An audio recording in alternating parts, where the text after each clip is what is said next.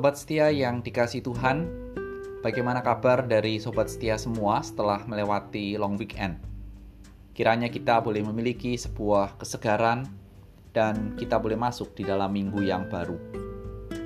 Mari tak jemu-jemu sekali lagi kita berdoa untuk tenaga kesehatan yang ada di garda depan. Biarlah Tuhan boleh memberikan kekuatan dan kesehatan. Juga buat kolega atau teman yang sakit, mari kita berdoa untuk pemulihan yang berasal dari Tuhan.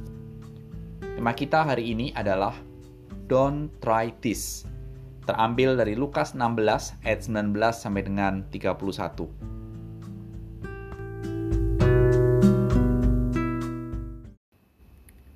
Ada seorang kaya yang selalu berpakaian jubah ungu dan kain halus, dan setiap hari ia bersukaria dalam kemewahan. Dan ada seorang pengemis bernama Lazarus, badannya penuh borok, berbaring di dekat pintu rumah orang kaya itu, dan ingin menghilangkan rasa laparnya dengan apa yang jatuh dari meja orang kaya itu.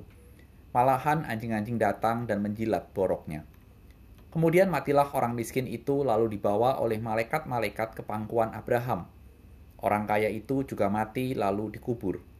Dan sementara ia menderita sengsara di alam maut, ia memandang ke atas dan dari jauh dilihatnya Abraham dan Lazarus duduk di pangkuannya.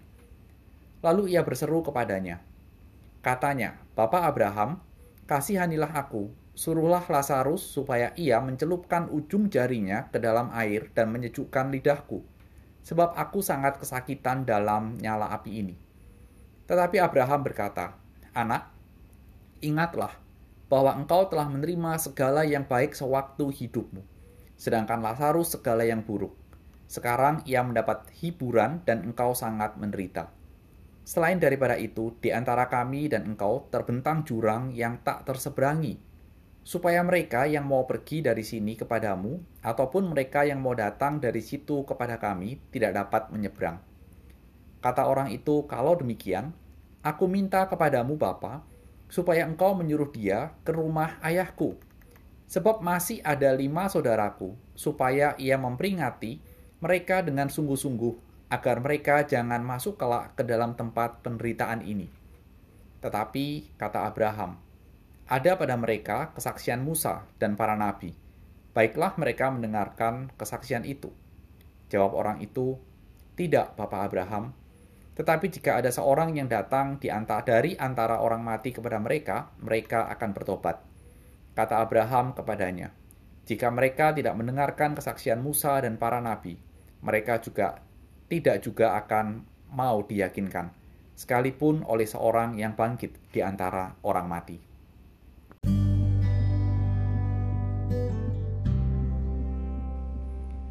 Mari kita tunduk kepala, kita berdoa. Tuhan Yesus, buka hati dan hidup kami untuk menerima kebenaran firman Tuhan. Demi Kristus, amin. Sobat setia, bila kita mengingat di tahun 2019 ada film dari Marvel yang berjudul End of Game. Seolah-olah ini cerita akhir dari serangkaian seri Marvel yang selama ini tayang di bioskop.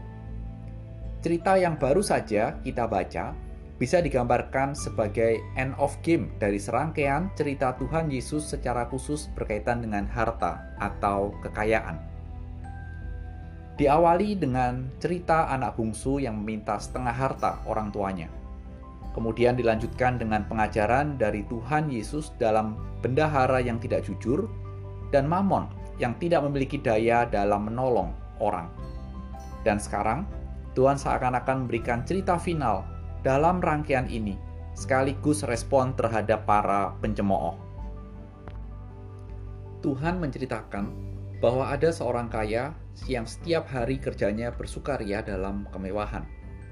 Kira-kira artinya pesta dan senang-senang terus seumur hidupnya. Seperti Eko dari kehidupan anak bungsu ketika memiliki uang atau harta yang sangat banyak. Sobat setia, siapa yang mau hidup seperti ini? Kalau ini ada dalam sebuah kebaktian, rasanya pasti saya bisa melihat beberapa jemaat yang tersenyum atau mungkin mengacungkan tangannya, tanda saya mau hidup seperti itu. Tapi Tuhan juga memberikan karakter yang kontras. Ada pengemis badannya penuh borok, dan berbaring dekat pintu orang rumah orang kaya itu. Sekali lagi, ada yang mau hidup seperti itu? Rasanya tidak ada yang mau hidup seperti itu. Hidupku sekarang saja sudah susah. Mungkin itu yang ada dalam benak kita. Dan itu lebih susah lagi. No, no, no, no. Nggak mau. Untuk makan saja, dia harus mencari apa yang jatuh dari meja makan si kaya raya itu Kayaknya orang kaya ini entah makan hanya segigit, kemudian dia ganti lagi dengan yang lain, dan sisa gigitannya dia buang atau bagaimana, pokoknya remah-remah itu bisa menjadi makanan dari pengemis itu. Kehidupan yang kontras dalam dunia ternyata tidak menghilangkan bahwa mereka semua adalah manusia yang terbuat dari debu tanah. Keduanya akhirnya sama-sama mati dan dicatat Lazarus duduk di pangkuan Abraham dan si uh, dan orang kaya itu dikuburkan. Lazarus si pengemis duduk di pangkuan Abraham dan si kaya ada di alam maut dan mengalami derita sengsara. Kalau kita bertanya, apa yang terjadi pada si kaya ini? Mengapa dia masuk neraka? Mungkin kita bisa menemukan sebuah jawaban. Kalau kita perhatikan bahwa orang kaya ini memberikan indikasi bahwa dia dan saudara-saudaranya perlu diingatkan. Dan kalau ada yang perlu diingatkan, pasti ada sesuatu yang mereka lupa semasa hidupnya. Dan apa yang mereka lupakan? Apa yang tidak mereka lupakan? Dua pertanyaan yang mungkin perlu kita jawab.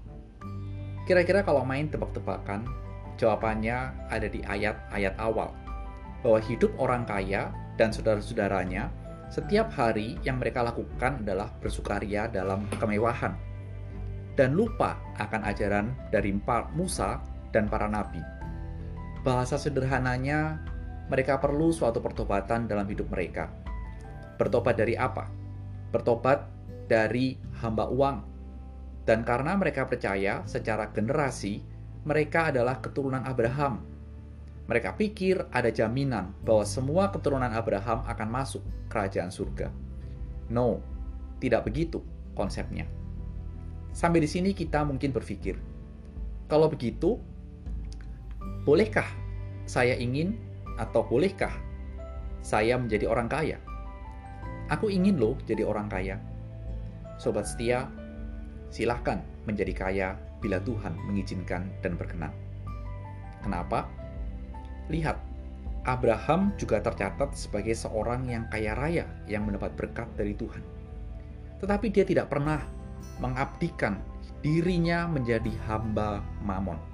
Seumur hidupnya, dia mengabdi kepada Allah. Inilah konsep yang harus dimiliki oleh anak-anak Tuhan. Bahwa mau kaya atau tidak kaya, hidup harus mengabdi kepada Tuhan.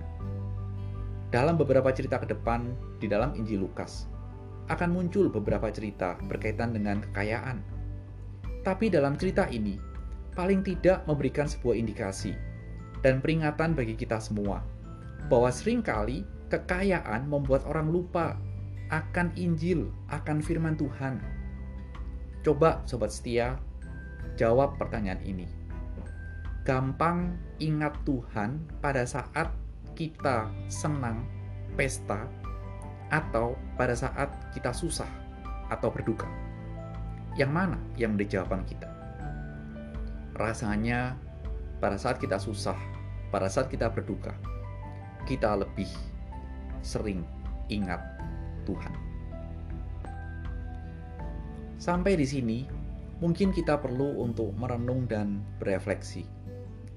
Kita saat ini hidup di tengah-tengah dunia yang mencoba memuaskan dahaga hidup kita dengan hal-hal materi. Dan sering kali membuat kita hidup terjebak di dalamnya. Kalau hal ini ada di sekeliling kita, mari kita berpikir. Mari kita merenung.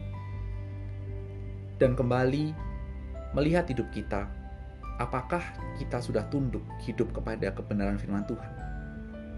Dan kalau kita terjebak dalam kehidupan materialisme. Bertobatlah dari area kehidupan kita di mana materialisme telah menguasai hidup kita. Paling tidak inilah yang bisa menjadi sebuah perenungan bagi kita semua dari cerita ini. Sobat setia, selamat merenung dan kiranya Roh Kudus menolong kita untuk menghidupi firman Tuhan. Amin.